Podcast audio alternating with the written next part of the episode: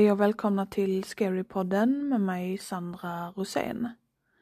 I veckans avsnitt så har jag två berättelser som jag tänkte berätta för er. En som är lite längre och en som är lite kortare. Men jag hoppas att ni kommer att gilla dem ändå. Jag tycker inte att jag ska prata så mycket mer nu, utan jag tycker bara vi sätter igång på direkten.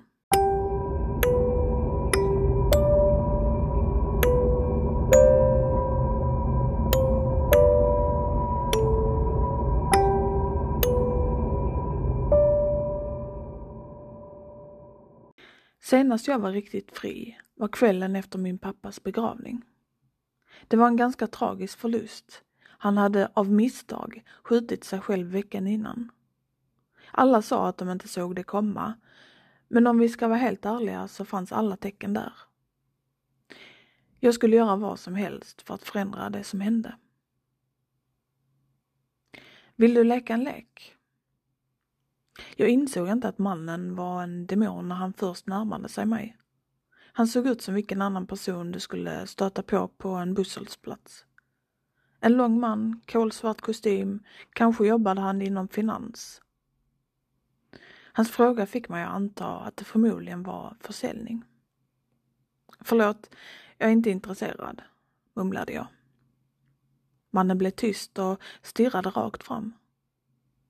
Det var här jag la märke till hans ovanliga gula ögon. Jag andades ut, lättad över att han äntligen hade fått ett svar på sin fråga. Eller så trodde jag. Han lutade huvudet och försökte en gång till. Tänk om jag visade dig vad vi lekte om? Mannen knäppte med sina fingrar. Världen förändrades runt mig. Jag satt inte längre vid en busshållplats. Istället satt jag vid ett schackbord i ett mörkt upplyst garage. Min fars garage. Främlingen satt i den motsatta änden, vänd mot mig. Svarta pjäser var perfekt placerade på rutorna framför honom. Jag hörde rörelse bakifrån. Ljudet av ett metalliskt klick. Jag följde dess riktning. Där hittade jag min pappa som pillade med ett hagelgevär.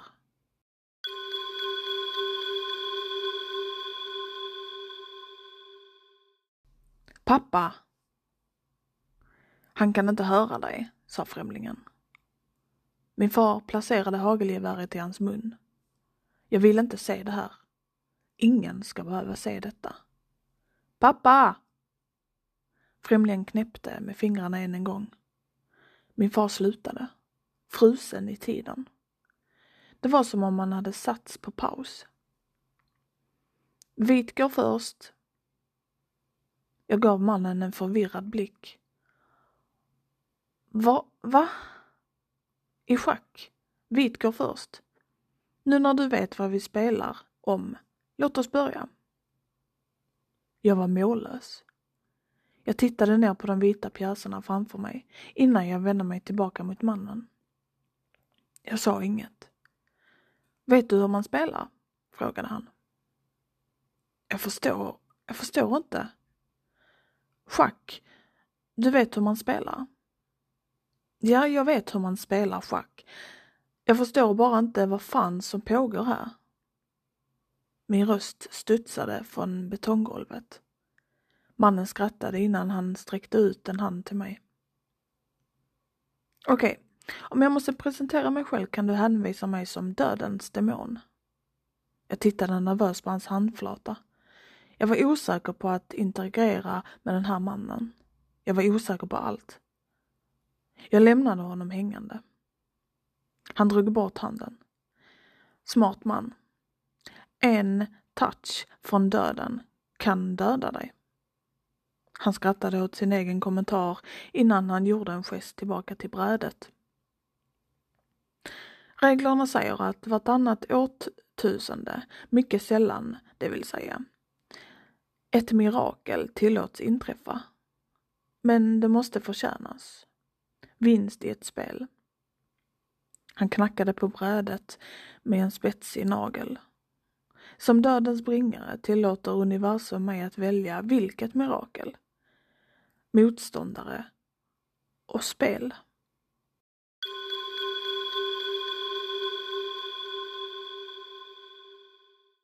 Han tittade på min far. Miraklet. Han gjorde en gest åt mig. Motståndaren. Sedan cirklade han sina två händer över bordet. Spelet. Nu ska vi spela. Din fars liv står på spel. Jag började koppla ihop allt. Du menar alltså om jag vinner? Din pappa får då leva, ja. Sedan kommer tiden att anpassa sig och ett mirakel kommer att tillåtas inträffa. Jag funderade på vad som föreslogs och en idé bildades i mitt huvud. Jag hade aldrig varit den typen av person som följde reglerna. Faktum är att de flesta människor mycket sällan spelade spel med mig eftersom jag alltid hittade ett lömskt sätt att vinna. Kalla det fusk, kalla det att få din vilja igenom. Om det här var en chans att rädda min far så var jag tvungen att ta den. Jag gled ut min första bunde på brädan. Spelet hade officiellt börjat. Redan från första början var det tydligt att jag inte hade en chans. Denna demon var helt klart en mästare i spelet. På några minuter hade jag tappat båda tornen och en av mina hästar. Jag kunde ana en schackmatt var runt hörnet. Inget av det spelade någon roll. Jag hade en annan strategi i åtanke. När pjäserna flyttades såg jag min fars hagelgevär. Jag tänkte att om denna dödsdemon var delvis ansvarig för min fars bortgång så fanns det ett sätt att få honom att tänka om.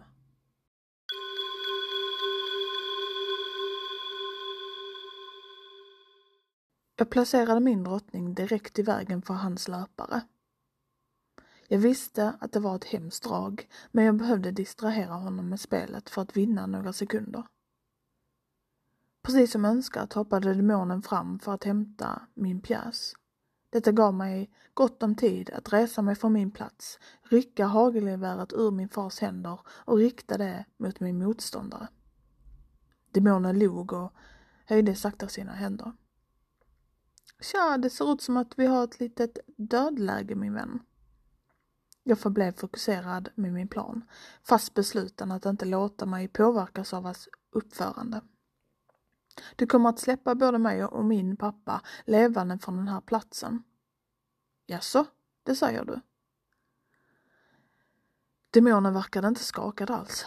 Detta gjorde mig nervös. Men jag sköt de känslorna åt sidan. Han fortsatte. Jag är rädd att jag inte kan göra det min vän. Du ser att det strider mot reglerna. Det är bäst att du glömmer de reglerna för alternativet är att jag trycker på den här avtryckaren. Du tror att genom att döda döden så kommer du och din far att överleva. Mitt finger darrade på avtryckaren. Att eliminera dödsdemonen måste göra något, eller hur? Han stirrade på mig en lång stund. Hans uttryck skiftade till slut till ett nederlag. Okej, okay, du fick mig. Han ryckte på axlarna. Jag är trött på det här i alla fall. Jag har gjort det här alldeles för länge. Skulle du tro att vara ansvarig för döden innebär att du slutar med att se mycket död? Jag är så trött.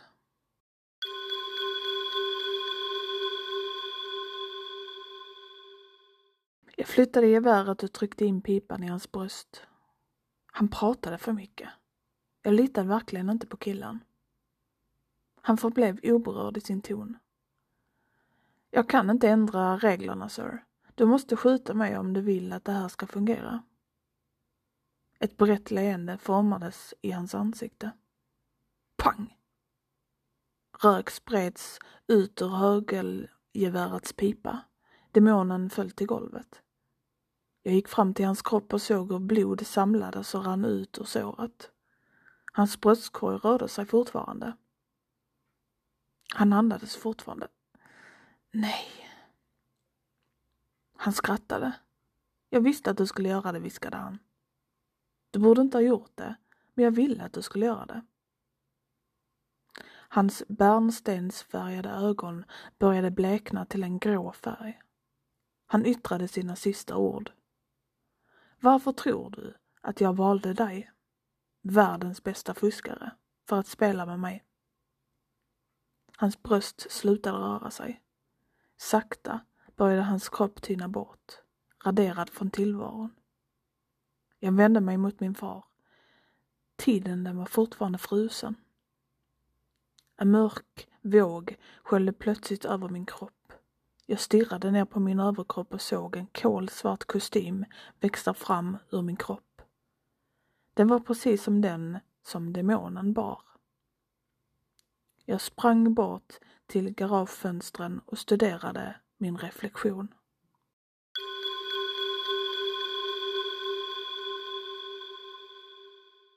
Min irisfärg hade förändrats till en djup gul. Spetsiga spetsar bildades på mina naglar. Jag mindes demonens ord. En naturlig konstant i detta universum. Jag förstod vilket spel demonen spelade nu. Jag tror att han ville bort från det här deprimerade jobbet. Nu var det min tur. Jag lade tillbaka hagelgeväret i min fars händer. Det fanns ett val att göra. Förbli fast i detta frusna ögonblick för alltid. Tillåta tid att fortsätta med att knäppa med fingrarna. Hur som helst, min far var borta och någon gång i detta bevarade ögonblick skulle jag så småningom komma att acceptera det. Pang!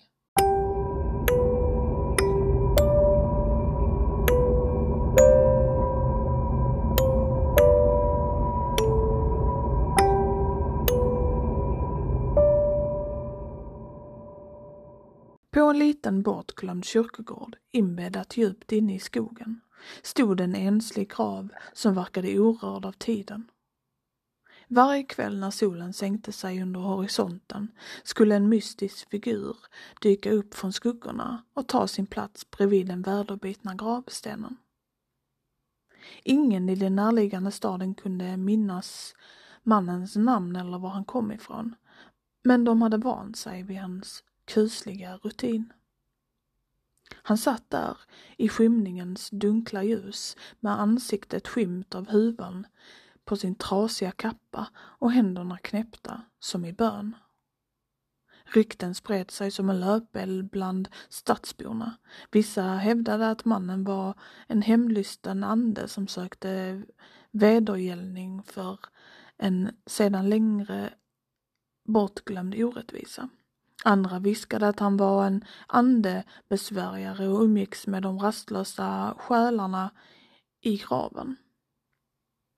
När veckor förvandlades till månader blev mannens närvaro mer påtaglig. Nätterna blev kallare, men han ryckte aldrig till eller huttrade. Hans orubbliga hängivenhet till graven var ett spökande skådespel.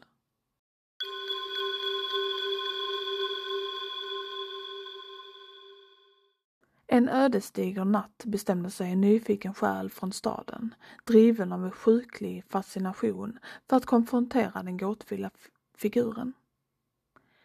Beväpnad med en lykta och darrande av rädsla vågade han sig in i den mörka skogen. Han närmade sig kyrkogården. Det svaga kraset av löv under hans fötter ekade i stillheten. När han kom fram till graven sträckte han ut sin lykta för att avslöja ansiktet under luvan. Det han såg frös blodet i hans ådror. Det var inte en man utan ett ruttnande lik. Ögonens tomma hål och dess skeletthand klamrade sig fast vid en ruttnande bukett av sedan länge döda blommor. Förskräckta fick stadsborna snart reda på sanningen. Mannen de hade sett var ingen människa alls utan en gol. För alltid bunden till graven av sin förlorade kärlek. Varje natt satt han där och sörjde ens kärlek som hade överskridit döden själv.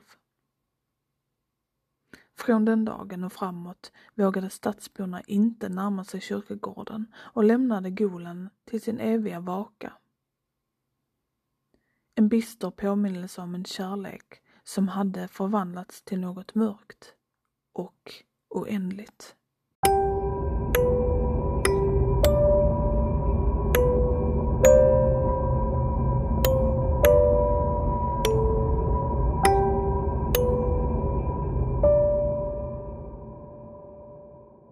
Och det var veckans avsnitt. Jag eh, tyckte eh, uppenbart att de var bra, givetvis. Annars, eh, jag väljer inte ut sådana som jag tycker är bra, men jag vill gärna höra vad ni tycker. Och ni kan skriva det på Instagram, vad ni tyckte om den, där jag heter Scarypodden. Och har ni själv varit med om någonting som ni vill att jag ska ta upp, eller om ni har skrivit en berättelse, så kan ni mejla det till mig på scarypodden at hotmail.com. Nej, inte hotmail, jag säger alltid fel. at gmail.com. Scarypodden at gmail.com. Och vill ni vara anonyma så skriver ni bara det. Det hade varit superkul att få ta del av någon annans upplevelser. Riktiga upplevelser. Det hade varit superduperkul.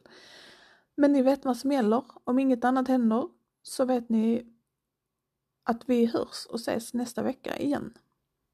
Och tack för att just du lyssnade.